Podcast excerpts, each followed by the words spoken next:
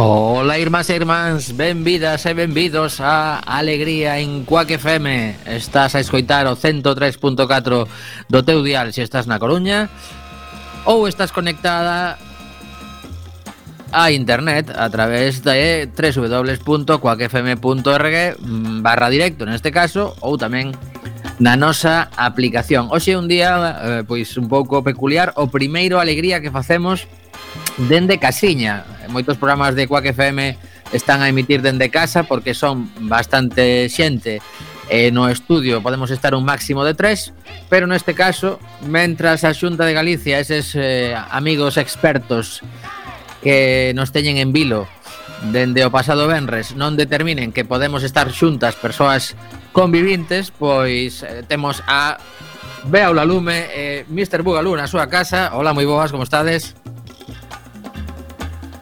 Hola, hola. Pois por aquí andamos. Non sei se nos escoita. Se sí, nos a, escoita a Mariano correcto. alto e claro. Non sei se ve anda tan, tamén por outro micro. Está noutro, noutro, noutro aparello, noutro ordenador. Ah, pois a, a Bea non a escoito. A ver se... Si, se... Non, porque todavía todavía non está.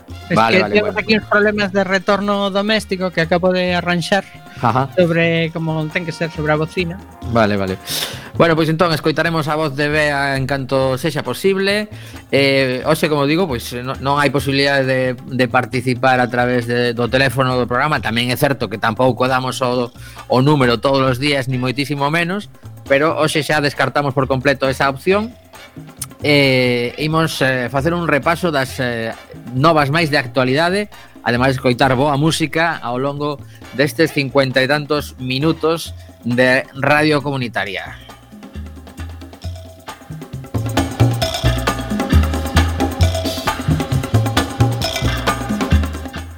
Chegou o día agardado por eh, moitísima xente que está pendente do que sucede en Estados Unidos, ata que punto hai mm, millóns e millóns de persoas capaces de votar de novo a Donald Trump co que xa sabemos del, porque digamos que nas eleccións anteriores, as, as primeiras que gañou, pois eh, sabíase que era un tipo millonario, excéntrico, mm, non llevo poñer máis calificativos, pero non sabíamos ata que punto era capaz de facer determinadas cousas. Agora moita xente xa o coñece e polo que din as enquisas non está tan lonxe de eh, poder revalidar esa, esa presidencia dos Estados Unidos que non é calquera cousa. Eh, Mariano, non sei se ti estás estes últimos eh, xa casi casi minutos de, de xornada, bueno, de votación aínda quedan unhas cantas horas, ademais hai que ter en conta esta diferencia horaria dentro de Estados Unidos de costa a costa pero non sei se temos algunha novidade así de, de, de moito susto.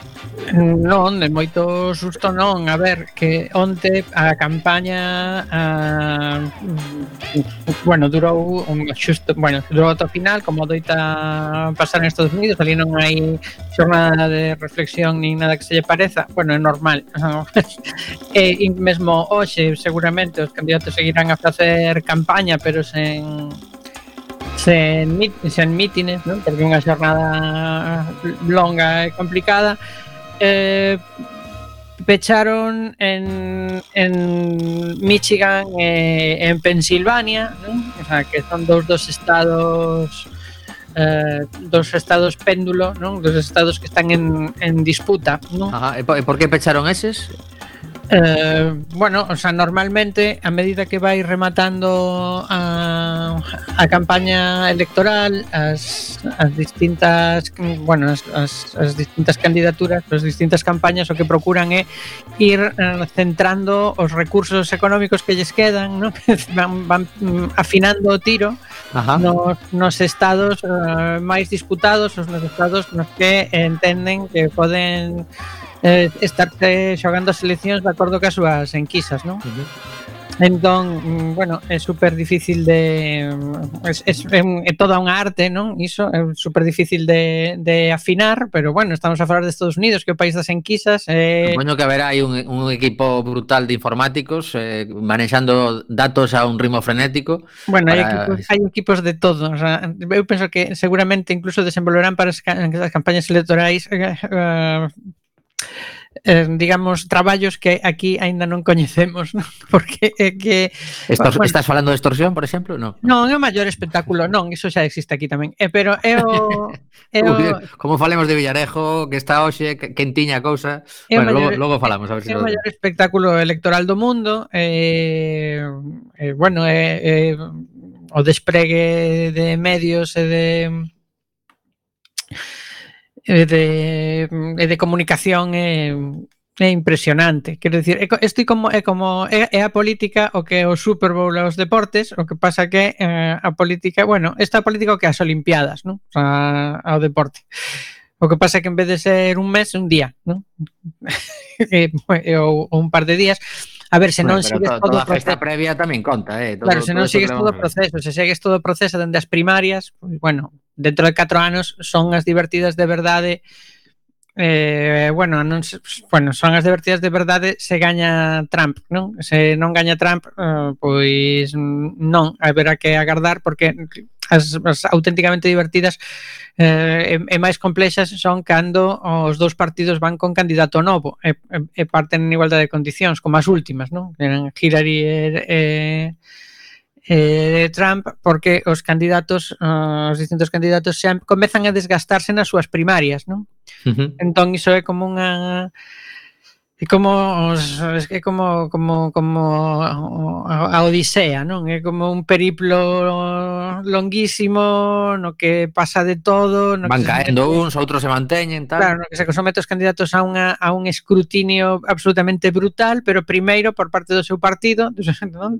nas primarias e logo contendendo contra o contra o rival, non? Uh -huh. Eh, que pasa? Mm, bueno, uh, Trump chega cunha desavantaxe eh, nas enquisas ás eleccións de hoxe maior aínda que a que tiña con Hillary Clinton, perdeu algunha das súas bazas, non? eh, que é a do, a do candidato anti-establishment, porque agora ele é o establishment, non? Eh, o presidente, e realmente eh, preséntase cun balance que en estándares de política internacional serían bastante calamitosos, non? Pero que eh, nos Estados Unidos pois a percepción resulta moito máis difícil, entre outras cosas, po, pola pola xestión da comunicación tan brutalmente agresivo que se fai dende la alt-right, non? Ti escuchas, ti escoitas a Fox eh, ou ves a Fox eh, e resulta bueno, digamos que que, que, que tremendo, o sea, que nun estándar europeo sería todo bastante inaceptable, non? O sea, ficharían a, a Jiménez dos Santos, para entendernos. Bueno, sería un moderado, seguramente. Coño. Eh, pues sí. Claro, eh, sí, sí, bueno, é moi bestia, eh? quero dicir, mm, hai que ter en conta como a aproximación dos Estados Unidos a, ao desenvolvemento do dereito á liberdade de expresión é eh, moitísimo máis eh, laxo que, que aquí, cousa que xa, bueno, xa, xa utilizou con, con fruición o señor o señor Trump para chegar onde está, non? Que dicir, a, a, a chuvia de fake news. De feito, houve quen lle contabilizou as mentiras ao longo do mandato e saía dúas mentiras, a dúas mentiras por, por semana, non? Uh -huh. Quero dicir, ou tres, eh, pero, pero non mentiras que dan igual, non? Son mentiras importantes ou que si igual que se dedicou a perseguir a, a xornalistas dende as redes sociais da, da Casa Blanca, non? Dende, dende, dende o seu propio Twitter, non? Como, como a presidente. Bueno, es un mandato, son catro anos negros que eh, hoxe eh, poden tocar o seu fin ou ter outra unha continuación. Pois sí, isto pode ser unha festa, pero bueno, Hai que dicir que o voto, o, sí, o voto sí. adiantado é espectacular, por certo, eh? Sí, sí, a verdade é que todo o mundo di que... que eh, Votaron eh, cerca 90 millóns de persoas xa Eh, e iso, iso, iso se foi porque eh, eh creo que comentamos a, a pasada semana que de alguna forma xa había como un equipo de voluntarios que podían ir avanzando o traballo, pode ser? Que de, de reconto ou non? Non, non de feito que en cada en cada estado as cousas son completamente as normas son diferentes e mesmo o Mm, mesmo a, a consideración de voto válido vai sendo diferente. A polémica das últimas horas da campaña foi precisamente a oposición de, de Trump a que a que se reconten votos é a declaración de algunha fonte da Casa Blanca de que eh, se eh, eh, o presidente fose gañando no voto en, en urna ah, e a intentar impedir o reconto do voto por correo. Estamos a falar de que o voto por correo leva 90 millóns de, de votos que é aproximadamente o 70% do número total de votantes de 2016. Caramba. Que xa foron unha participación bastante elevada para os estándares norteamericanos eh, en 2016. Uh -huh. Entón, bueno, um, eh, eso levantou bastante bastante resquemor eu onte na CNN vía como un exgobernador de Ohio pois pois estaba que, que fumaba en pipa ¿no? con, con ese asunto dicindo que eh, que se algo os fai un país eh, democrático é eh, precisamente que cada persoa ten dereito a votar e que se voto conte non? O sea, pero uh -huh. una cosa bastante estaba bastante encendido estaba na CNN non sei sospeito que era republicano o propio ex gobernador, pero, pero bueno, Trump, uh, digamos que, que desperta recelo mesmo en nas, o sea, bueno, mesmo en partes do, partido do propio partido republicano, de simpatizantes do propio partido republicano, máis moderados ou simplemente eh, máis ortodoxos, non? Uh, Trump evidentemente non é George Bush pai, nin é Dick Cheney, é unha cousa bastante máis extravagante e, eh, e hai sectores do Partido Republicano, sobre todo nos sectores do electorado do Partido Republicano nos que non cae moi simpático. De feito, nas midterms, nas eleccións ao Congreso, eh, se levaron un, un varapalo importante en zonas de tradicional dominio republicano no Congreso, como pode ser o Estado de Texas, non? que uh -huh. está en cuestión, todo hai que dicilo. Tamén, bueno, vimos facer unha cousa, como xa son as 6 e 13 minutos, imos escoitar hoxe, eh, escollimos varias cancións eh, que veñen directamente de Estados Unidos para, para seguir metidos neste, neste mundillo, pero a volta da canción que imos escoitar, eh, Mariano non sabía nada deste tema que hoxe saca en exclusiva el diario.es e que o título é o seguinte Anticorrupción investiga ao rei Juan Carlos e a Reina Sofía, ademais de varios dos seus familiares polo uso de tarxetas de crédito opacas. A volta da canción, sabemos un pouquiño máis desta nova porque parece que están rascando ata chegar a chamar ao rei emérito para que dende os Emiratos Árabes acabe vindo polo menos a saudar algún xulgado. Escoitamos un pouquiño de boa música.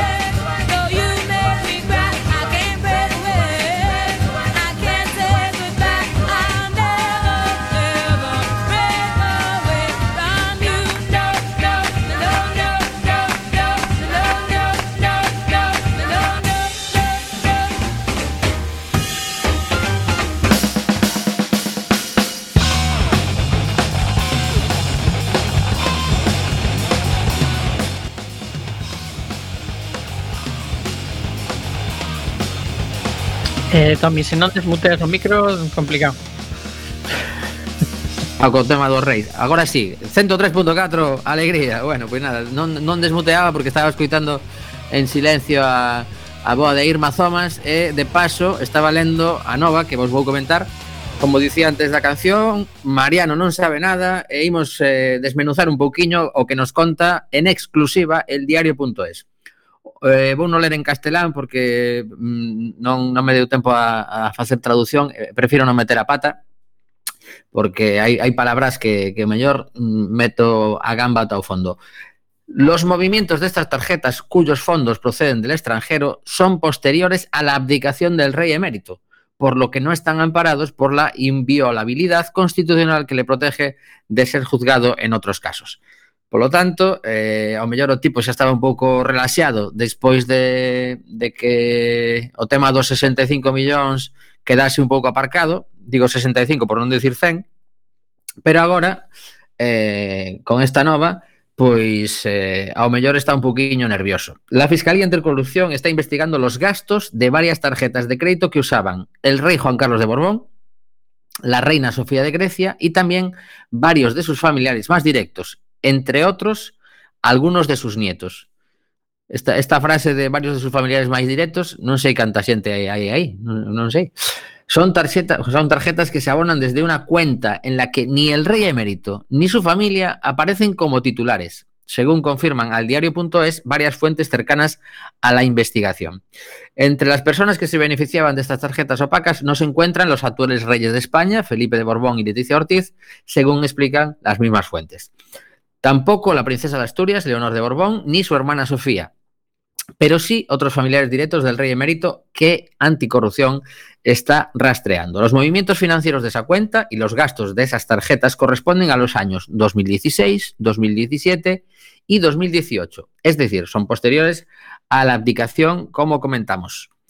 En anticorrupción no solo están analizando todos los gastos de estas tarjetas, sino también el origen de los fondos con los que se cubrían, un dinero procedente del extranjero.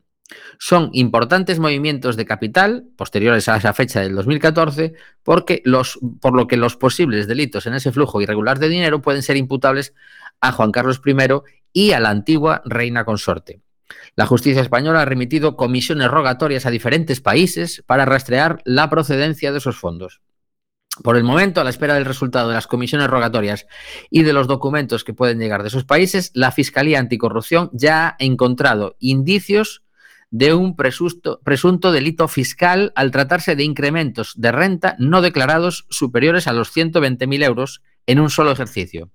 Tanto el rey emérito como la reina Sofía son aforados, por lo que esta investigación de prosperar será instruida por la Sala Segunda del Tribunal Supremo. Eh, según las fuentes que ha consultado el diario.es, la investigación también ha permitido identificar ya a dos individuos presuntamente vinculados a esta trama de fondos opacos pa para abonar gastos de la familia real, se trata de un ciudadano mexicano y un mando de la Guardia Civil. Entre, caramba, ya empezamos aquí, pues, a ver si falamos un poquinho de Villadejo, que o teño por aquí na entrevista que concede a El País, foi xa eh, creo que foi o 8 de outubro, despois falaremos un poquinho do tema, eh, aquí pues, aparece un mando da Guardia Civil. Entre os gastos cargados eh, a la tarjeta de la Reina Sofía aparecen varios viajes a Londres, donde la esposa del rey mantiene desde hace años su residencia habitual eh, según las mismas fuentes. Eh, ta, ta, ta, tal. La reina Sofía recibía anualmente una aportación del dinero público de la Casa Real de 111.854 euros y el rey emérito cobró en 2019 161.034 euros, pero este año eh, solo recibió una cuarta parte de esa cantidad ya que Felipe VI le retiró la asignación a su padre en marzo al trascender el escándalo de su fortuna, de su fortuna en paraísos fiscales. Bueno, eh, recordamos una vez más que los 65 millones de euros famosos eran mmm, una donación del año 2008 y que en 2012 transfirió a su entonces amante, pone aquí, se, se lanzan un poco el diario.es, antes hablaban de amiga especial, tal, no, aquí el diario.es dice amante, Corina Larsen, aún, aún les va a caer una, una querella. Bueno, pues Mariano, xa sabes, eh, imos estar entretidos seguramente para saber de onde veñen eses fondos. E, e, e cantas cantas estaban implicadas neste tirar de tarxetas porque o, o das tarxetas black xa se falara no seu momento cando estalou todo ali no, no caso Bankia, Caja Madrid, pero vese que a familia real decidiu que eso aínda molaba. Bueno, non ten nada que ver, pero... pero vale. Bueno, pero son tarxetas black tamén, claro. Eh, según, según por aquí. Bueno, isto que cheira é a, a testaferros... Uh, claro, hai que ter en conta que, que, que o rei, cando non era, cando non era emérito, non? Uh -huh. eh, ao ser irresponsable, realmente non ten personalidade xurídica e hai un montón de cousas que non pode facer, non? Cousas que facemos nós todos os días e non pode, non? Pero pode ter unha conta bancaria ao seu nome? Non, por exemplo, esa é unha das cousas que non pode. Ten ah, que non pode? Pode tela refrendado por un ministro. Aí va. Non sabía. Bueno, pois mira.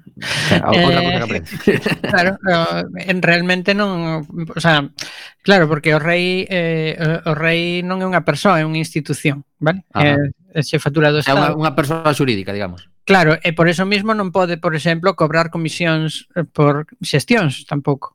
Ajá que pasa? Que se o faz, pois uh, eses fondos quedan nun sitio cun testaferro, e ese testaferro, pois logo cando ti lle pides, pois fai o seu traballo que é eh, librar os fondos correspondentes, evidentemente todo iso é ilegal, pero ese señor mexicano do que falabas e eh, o señor Guardia Civil do que falabas seguramente xogarían ese papel, non? É o que é o que se insinúa aí. Uh -huh. En claro, calquera era, caso... Eran, eran os titulares da conta, eso que entendo eu, da conta do que proceden os fondos, claro, e logo que está facendo é... Iso, como eu non podo ter unha conta ao meu nome, está o teu, non? Ajá. Entón, ben porque ti és moi monárquico e me faz o favor, ben porque ti cobras unha cantidade, non? Ajá. E, e a raíña, a raíña Sofía, sabe se si pode ter unha conta de seu? Eh, pues, Ou está, está tamén, digamos, dentro dese paraguas da, da Constitución? Non teño idea porque, vale, porque vale. que eu saiba a Constitución de Raíña non fala. Pero vale, vale Uh -huh. Fala da Casa do Rei, bueno, que aí sí que me pillas, eh? non me, vale, non me vale, vale, vale. Pero bueno, así en principio, pues obviamente, eh, a ver, presunción de inocencia, todo o mundo ten dereito a ela. Uh -huh. non deixa de ser inquietante cando a fiscalía investiga, eh, porque hai algo que soa raro, ¿no? Que hai indicios de algo feo. Eh, a min normalmente que me dá pistas de como de feas son as cousas é eh, a propia casa do rei, non? que, que cando se move, non? E fai cousas precisamente como retirarlle a asignación ao rei emérito, non? Uh -huh. E retira a asignación, enténdese, entre outras cousas, que eh, en nas pallas non queda, non? Eh, e iso, claro. claro, pero a cuestión é eh, se sabes iso, Non, a ver, se sabes iso porque esperas a que saia o escándalo para moverte, bueno, realmente pinta mal, pinta mal, eh, implica o descrédito dunha institución que a marxe de estar ou non de acordo, eu particularmente non estou de acordo con este acordo coa institución, pero é unha institución e o deterioro institucional sempre é malo. Non? Pois sí, pois sí. Bueno, pois imos eh, deixar este tema para que lle eh, tempo a esta xente del diario.es que normalmente, normalmente, cando sacan unha exclusiva deste tipo é que teñen máis eh, cousiñas que contarnos nos vindeiros días, así que... Sí, eh... bueno, además o diario.es xa demostrou en varias ocasións que, que son ben capaces de, de, face, de, de dosificar a información, uh -huh. non? Home, parte do xogo xornalístico para que a xente este pendente e siga visitando a súa, a súa páxina web.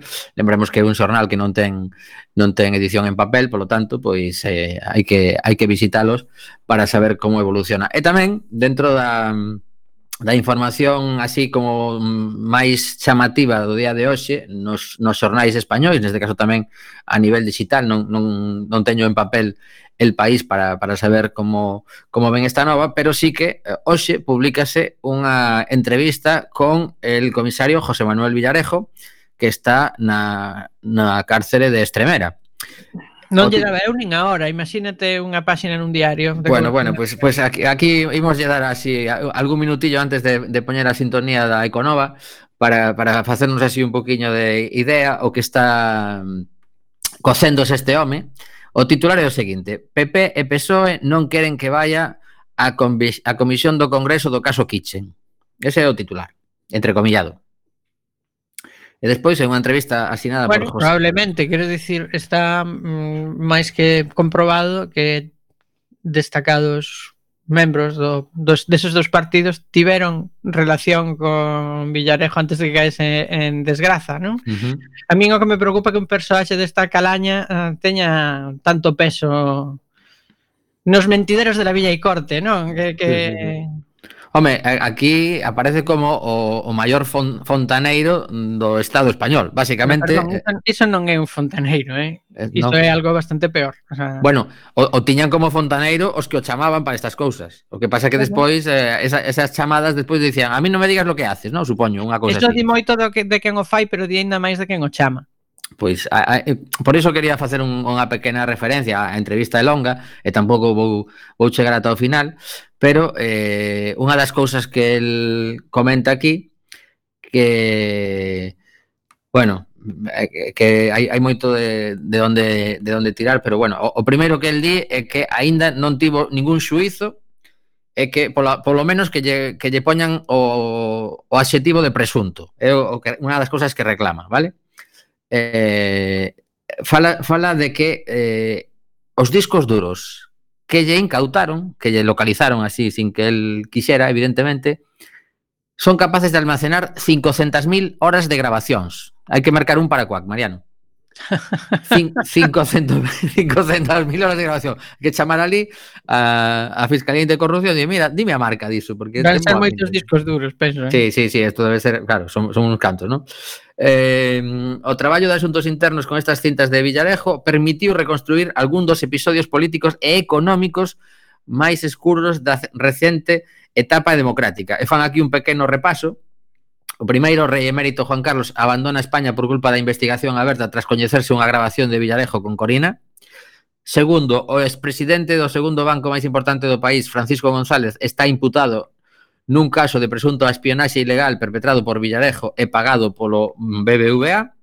Terceiro, o expresidente madrileño Ignacio González puxo fin á súa carreira por unha grabación que Villarejo filtrou á prensa 4 anos despois de producirse. Interior pagou fondos reservados eh, nunha operación ilegal para roubar probas que poderían perxudicar ao goberno de Mariano Rajoy no caso Bárcenas e Villarejo foi un executor material da operación, gardou os recibos dos pagos de fondos reservados e gravou as súas conversas co confidente. Todas estas conversas, agora en manos do Suiz, resume as andanzas dun home que viviu ao outro lado da lei. Así empeza A nova, hai que dicir que esta, esta entrevista, viña por aquí o dato, eh, foi autorizada polo Suiz, deste caso, eh, e polo tanto, pois, eh, había tres grabadoras, dúas do xornalista, para que non fallase nada, e unha terceira de institucións penitenciarias, eh, para non controlar tamén. Es que vería unha cuarta de Villarejo. Home, seguro que este é un, é un campeón. O que, o que comentan por aquí é que, en, en teoría, está conseguindo sacar, que isto xa me parece eh, brutal, que está conseguindo sacar mm, cousas que ten garradas no cárcere, dándollas a presos que saen de permiso. Flipa. Isto, isto anda por aquí, eh? por por lo medio da entrevista, cando, cando fan comentarios, eh, entre preguntas e preguntas, fan comentarios dende o país, e iso, iso andan contando. Eh, foron eh, 50 minutos autorizados, pero eh, mm, tras avisos dos funcionarios lograron chegar a 75 minutos, vale? eh, ao, ao mm, abogado do, do señor Villarejo non lle deixan estar presente durante esta entrevista. É unha das cousas que, bueno, empeza el facendo así como esa típica declaración de presunción de inocencia. E, e a partir de aquí pois empezan a contar mm, bastantes cousas que eu recomendo a nosa audiencia que si, si teñen gañas de mm, polo menos elucubrar cousas que se poden estar cocendo ou que se coceron no seu momento. Por exemplo, mira, falando eh, unha, unha pregunta en concreto, acabo de decir a palabra elucubrar e, e aparece aquí pasando. Alguén, bueno, en castellano de nuevo. Pregunta, alguien elucubró con la posibilidad de que usted provocara el incendio de la Torre Windsor de Madrid para destruir documentos que podrían incrementar a Francisco González en operaciones fraudulentas. Responde Villarejo. Eso es una gilipollez, una tomadura de pelo. Igual que lo del famoso cura de Bárcenas. Eso es mentira. Entón agora nos explican de que vai o cura de Bárcenas, como, demina, como denomina Villarejo. Eh, este, este hombre es un tipo que vestido de sacerdote se supone que entró una mañana de octubre del 2013 en la casa de Bárcenas, maniató a su esposa y a su hijo, entiendo que el cantante... El cantante noticia coñecida. ¿Cómo? Que aquello fuera una noticia coñecida. Que, Sí, sí, bueno, pues eh, aquí lo que está diciendo Villarejo es que eso todo fue una invención. Y exigió los pendrives donde supuestamente estaban los secretos que acabarían con Mariano Rajoy. Cuando ocurrió aquel episodio, el Ministerio del Interior tenía en marcha su propia operación secreta para espiar a la esposa de Bárcenas. Villarejo participó activamente en ese plan, captó al chofer de Bárcenas como confidente y le pagó con fondos reservados. el ministro del Interior, Jorge Fernández, y el secretario de Estado, Francisco Martínez, están actualmente imputados por estos hechos conocidos como Operación Kitchen. Y de hecho... Qué mala pinta tiene para ellos, hay que decirlo. De feito, hoxe, outra das novas que aparecen nos xornais é que o Suiz acaba de convocar a estes dous que acabo de citar para un careo entre eles. A ver que teñen que dicirse. Mm, bueno, o... o...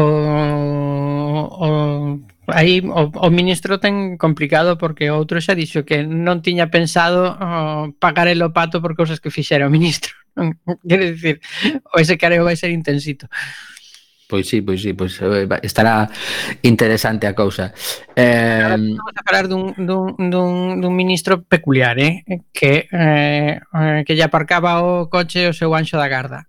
É verdad. Sí, bueno, aparte da, verdad, xa que le quedaban as Virxes. Las Vegas, por certo que o sea, hai xente que para coñecer o Anxo da Garda vai a Lourdes ou uh -huh. non sei, algún outro sitio máis pío, pero a este foi nas Vegas.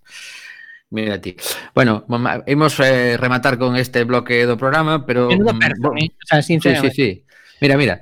Pregunta, ¿de quién fue la idea de la Operación Kitchen? Se le ocurrió a alguien del gobierno. Habían fallado todos los sistemas de acercamiento y dijeron, hay que avisar a Villarejo, que soluciona siempre los problemas. Eso lo dice Villarejo. Sí, claro. La, pre- la pregunta, ¿esa, ¿esa operación fue una chapuza? Era una chapuza por todo el equipo que había montado. Era impresentable, contesta este hombre.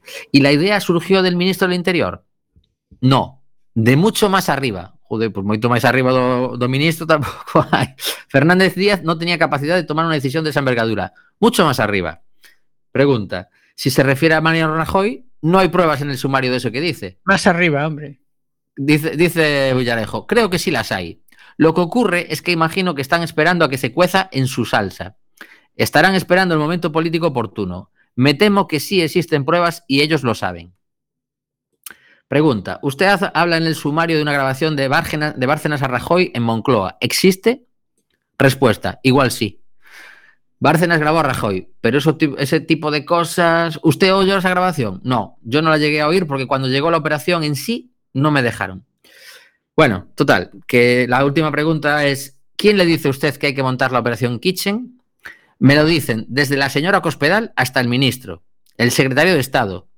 El único con el que no hablo personalmente es con Rajoy, pero sí a través de intermediarios. E aquí deixo a entrevista para quen queira creer a Villarejo ou deixe de creer, ou xa, mm, bueno, pois nada, 69 anos ten este este persoeiro que podemos calificar así porque eh, quen non sabe mm, do seu nome neste momento no país. Pois nada. Bueno, non sei se temos a posibilidade xa de poñer a, a sintonía da Econova para que vea nos conte eh, cousas interesantes sobre ecoloxía e, e consellos varios.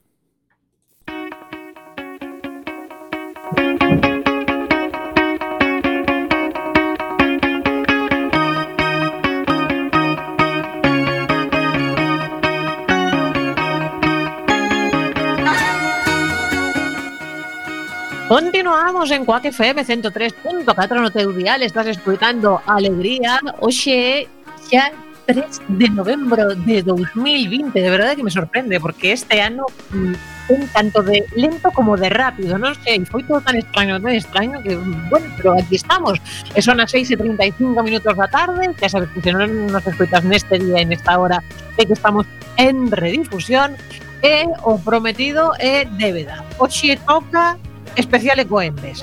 Eh, Tobi, polo que teño entendido, ti tamén tes algo por aí preparado. Sí, eu, eu atopei unha nova del salto diario. Non sei se mm. ta, tamén atopaches ti. Bueno, eu fun directamente ao de Greenpeace, que foron os que sacaron o tema este de eh, un informe de 66 páxinas de Ecoembesminte. Eh, bueno, non li no informe inteiro, pero sí que fun lendo un montón de cousas que tiñan por aí pola, pues, eso, pola, pola, polo sitio web de, de Greenpeace. Eh, e podo irvos contando cousiñas din cando unha empresa pon no mercado un envase doméstico, sexa de plástico, aluminio, metal, papel, cartón, eh, faino imprimindo un punto verde que significa que se pagou unha porcentaxe para que un pouco en vez recupere e recicle ese envase. Porén, a realidade é diferente de como non la vende Coembes. O punto verde seguro que eh, o, o, o tendes visto todo, igual non vos fixastes, pero agora como, cando lo conte oides recoñecer. Pues mira, a mí me pillas aí, eh? non, non, son, mira, non son consciente. Está en todos os envases. É un círculo verde que é como un yin, un, o símbolo do yin e o yang, sabes? Sí, uh -huh, sí. Pero con flechas, así como unha flecha ah, para vale, sí, sí, sí, agora, agora xa callo, sí, sí, ah, sí, sí, sí. Vale. é que coñecemos, é desas cousas que nos quedou impreso no cerebro, aínda que non nos desemos conta, porque que eso, está en todos os envases. Eh, entón, pois Greenpeace nos conta eh, mentiras que nos conta Ecoembes, din eh, reciclamos o 75% das envases de plástico. E o que di Greenpeace é que no seu informe maldito plástico, pois estudiou os datos de reciclaxe de envases de plástico na cidade de Madrid, área metropolitana de Barcelona, Comunidade de Valencia eh, Illas Baleares, o que cubriría máis dun 26% da poboación estatal, ou sexa, entendámonos, é unha amostra importante para facer un estudio. Un 26% é unha amostra, vamos, máis que de sobras para considerar como mm, como que realmente reflexa o, o que hai. E o que concluiu este informe foi que o nivel de recuperación de envases de plástico a nivel estatal é dun 25% frente ao Ui. 75 que di Ecoembes. Nin que ademais o número de envases que algunhas empresas declaran poñer no mercado está moi por debaixo do que realmente venden. Pois, por exemplo, un 82% máis en Baleares, un 110 máis eh, por cen na área metropolitana de Barcelona, o que falsea evidentemente as cifras de reciclaxe real aumentándoas, además de supoñer, a ver, un, unha pequena fraude, nada importante, ou seja, ti vendes máis do que realmente dis e, bueno, pois digamos que son cousas que fan chorar o neno Xesús. Outra cousa que nos di Coembes, todos os envases de plástico que, que ti depositas correctamente no cubo que é, recíclanse. Ben, pois non, oxalá, pero non. Eh, o cubo amarelo de Coembes non é capaz de xestionar todos os envases que se poñen no mercado, nin sequera os declarados oficialmente. Eh, moitos destes plásticos acaban en vertedoiros, incineradoras e directamente no medio ambiente. Segundo, o Ministerio de Transición Ecolóxica, máis do 40% do recollido no cubo amarelo é eh, rexeitado nas mesmas plantas de separación, eh, como por exemplo os envases PET de colores, os que miden menos de 10 centímetros, bueno, hai así varios tipos de envases que, que directamente non, non pasan por reciclaxe. Segundo o Ministerio, eh, o 44% dos plásticos españois acaban en vertedoiros, cando a maioría poderían ser reciclados, porque non é, bueno, se, non nos reciclamos porque non se pode, non, non, non nos reciclamos pouco menos que porque non nos dá a gana. Resulta paradigmático, por exemplo, o caso de Utiel Recicla SL en Valencia. Unha instalación non habilitada para almacenar plástico, pero na que dende 2016 acumulase plástico de oito empresas, seis delas homologadas e adxudicadas, adiviña por quen? Por Ecoembes. Ecoembes, cago 10. Dende 2012 a setembro de 2020 contabilizáronse ademais 342 incendios, iso sí que é unha vaga de incendios, en plantas de reciclaxe. E, mm, polo menos ata 2019, 35 delas aparecen nos listados de recuperadores e recicle, recicler, direi no, recicladores homologados por quen? Por Ecoembes. Destas 35 plantas, 26 sufriron. Unha, unha cousiña, isto, isto ven sendo que, que, que cando se lles acumula moito ali, alguén di, mira, dalle lume porque isto non o damos feito. Algo así. Eh, teóricamente son incendios deses de sin querer, pero o que din é que en realidade hai unha reincidencia sospeitosa que levou incluso ao Seprona a falar de, de que existe pois unha parte de intencionalidade. Eh, e de feito incluso as compañías aseguradoras endureceron as pólizas no sector porque esa alta siniestralidade pois como que non era moi normal. Por outra banda, Ecoembes fala de economía circular para referirse ao plástico que se queima esta vez si de xeito legal para xerar enerxía, pero claro, a incineración en realidade é o peor sistema de xestión de residuos, porque emite sustancias moi tóxicas como as dioxinas fluoranos que causan cáncer, nada importante, ou metais pesados como mercurio, cadmio ou chumbo, así como os principais gases de efecto invernadoiro. Todo moi verde, todo maravilloso.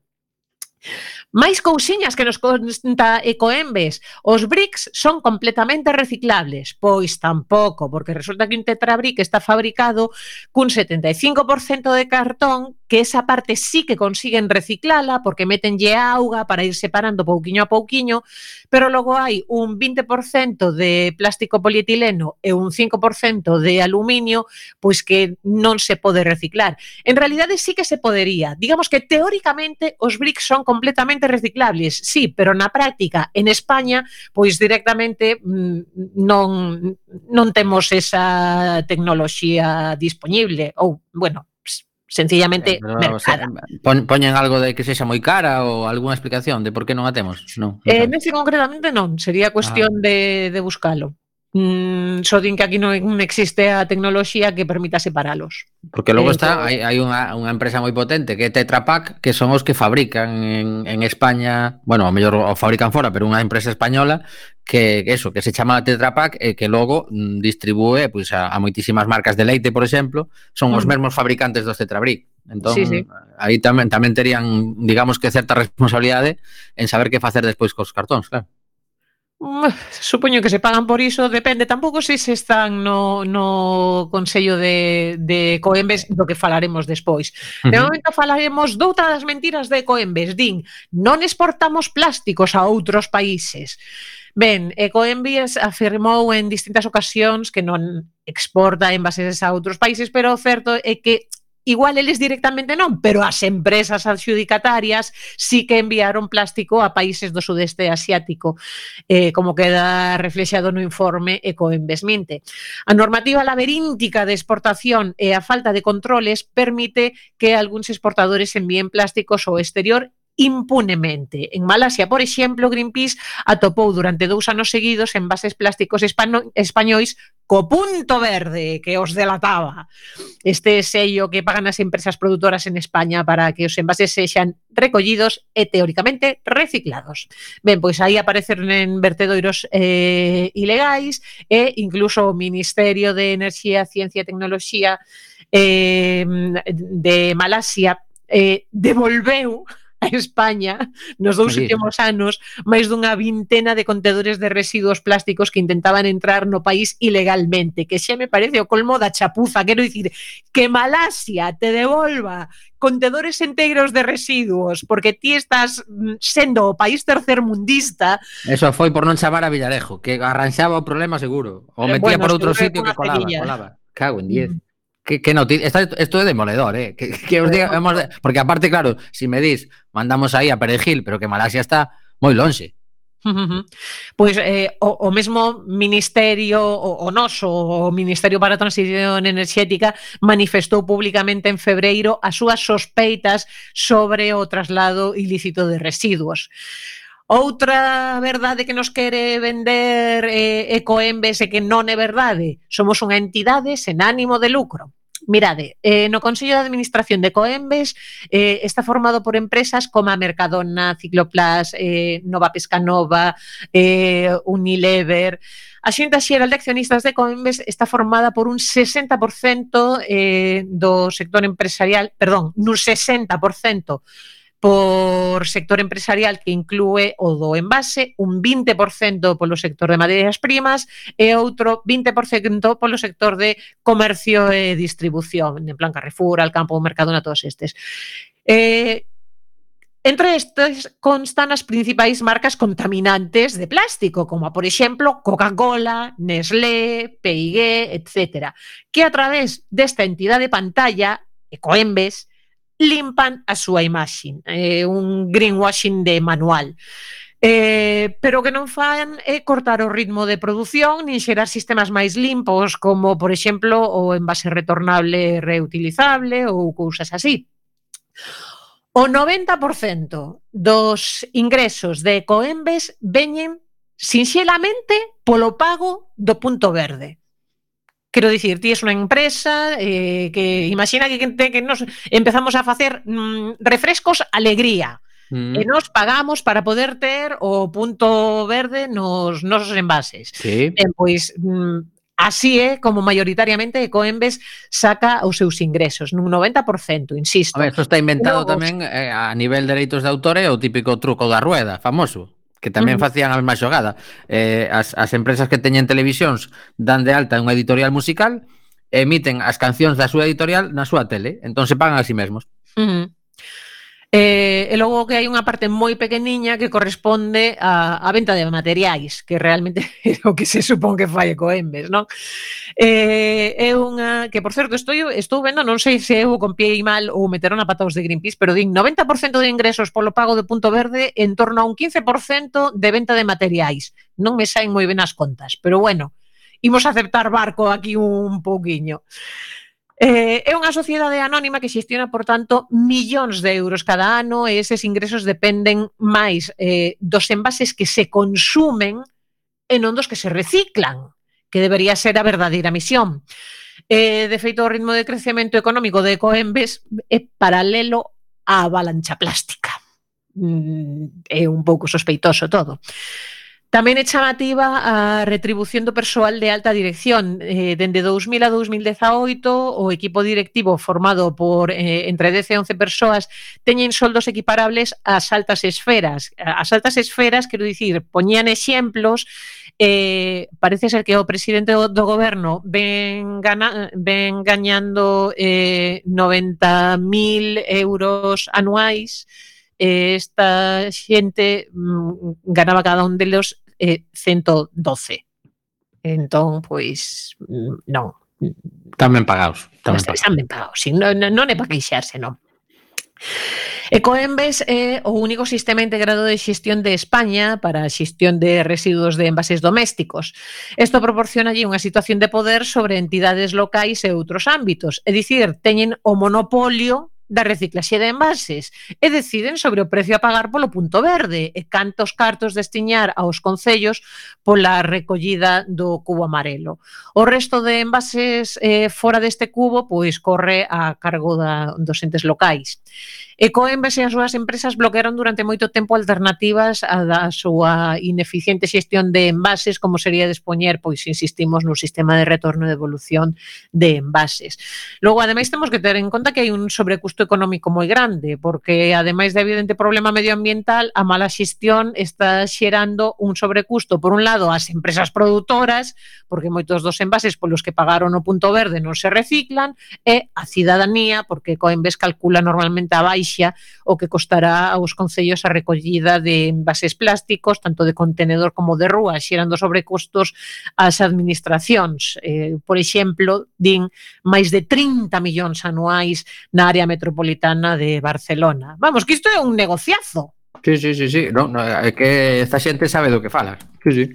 E xa vos digo, pois se queredes saber máis, pois eh, na, na páxina de Greenpeace con que poñades eh, Ecoembes Minte eh, xa hai un, bueno, hai unha parte que che informe en profundidade, que hai como cinco ou seis páxinas nas que te explican un, un pouquiño, pois ademais con infografías e tal, dun, dun xeito máis ou menos en profundidade, e logo en profundidade, profundidade tendes o informe enteiro, que son, eso, 66 páxinas, que agora que acabamos de pasar Halloween, ou mellor dito Samaín, eso sí que é un conto de terror.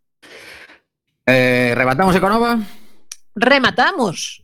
Bueno, pois pues, pues quédate non nos últimos pouco, minutos. Eh, esto... No, no, non, isto eh, eh, como siga rascando, pois pues xa verás.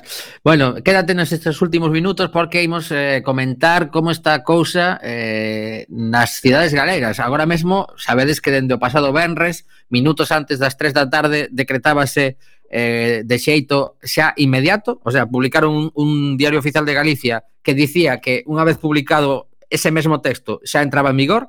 Aí con previsión, eh.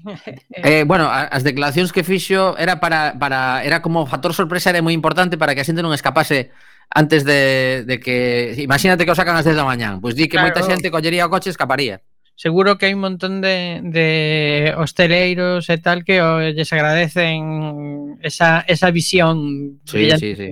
Home, evidentemente, eh, unha das cousas que, que comentaron moitas persoas que teñen produtos perecedeiros que calquera que saiba mínimamente de hostelería sabe que entre entre os xoves e o venres pola mañán fan pedidos moi importantes tanto de bebida como de, de alimentación e que compramos produtos de primeira, o sea, de, de máis perecedeiros na, na praza de abastos ese mesmo día, é que cando chega a nova ás 3 da tarde, o que empezaron a, a sufrir foi unha avalancha de cancelacións dos das reservas que tiña, que ademais agora mesmo eu creo que moitísima xente que ten a, a previsión de sair a comer ou a cear fora, o que fai é reservar a súa mesa porque sabe que son menos das habituais e que se si queres asegurar nun sitio concreto, pois tes que reservar. Entón, a verdade é que mm, é, mm, falando así como finamente, unha puñeta moi gorda.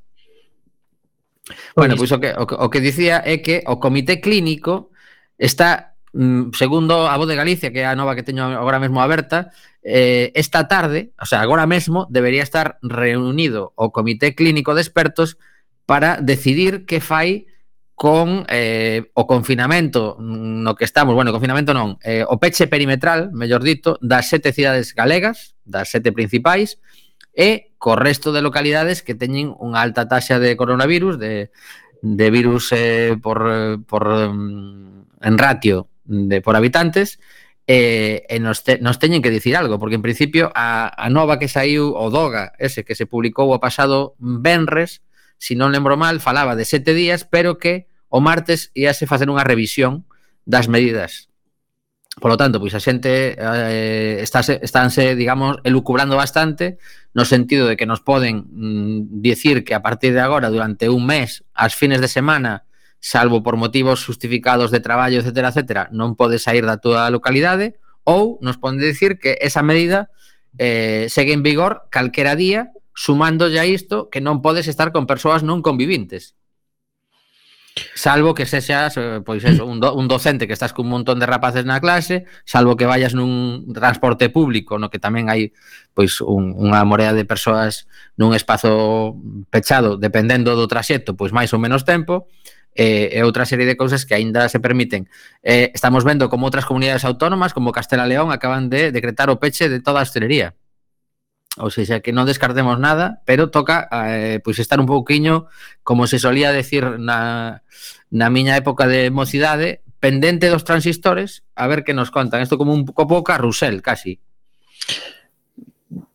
Eu non che son nada optimista, pero Entre, claro. eh, eh non, non eres mm, optimista con respecto á evolución da pandemia ou con respecto ao que van a... O sea, tes, tes a previsión de que este comité de expertos nos vai a deixar aquí?